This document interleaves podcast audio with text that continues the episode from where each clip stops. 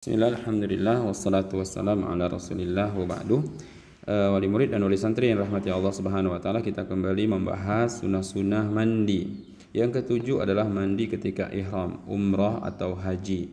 Nabi sallallahu alaihi wasallam bersabda Annahu ra'an Nabi sallallahu alaihi wasallam Ya Zaid bin Thabit maksud kami Dia melihat Nabi sallallahu alaihi wasallam Tajarrada lil ihlali waqtasala.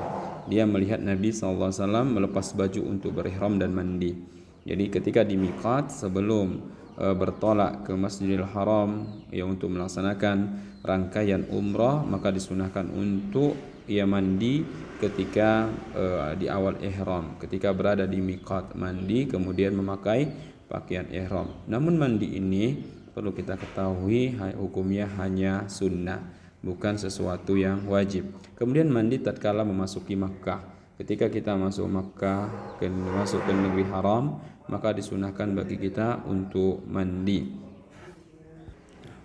Wali murid dan wali santri yang dirahmati Allah Subhanahu wa taala, inilah sunnah-sunnah dalam mandi. Ya ada delapan sunnah-sunnah dalam mandi, mandi tatkala masuk ke, ke kota Mekah, mandi ketika ihram, mandi sehabis memandikan mayat, mandi pada dua hari raya dan hari Arafah, mandi setelah menguburkan mayit orang musyrik, mandi setelah pingsan, kemudian mandi wanita yang mustahaddah yang mengeluarkan darah istihadah, kemudian mandi antara dua jima yang setelah melakukan hubungan, kemudian ingin melakukannya lagi maka disunahkan untuk mandi.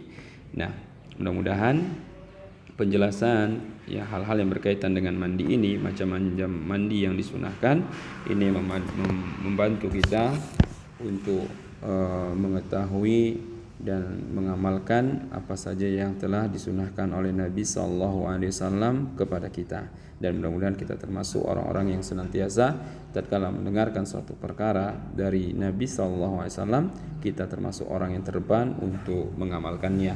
Wallahu alam. Assalamualaikum warahmatullahi wabarakatuh.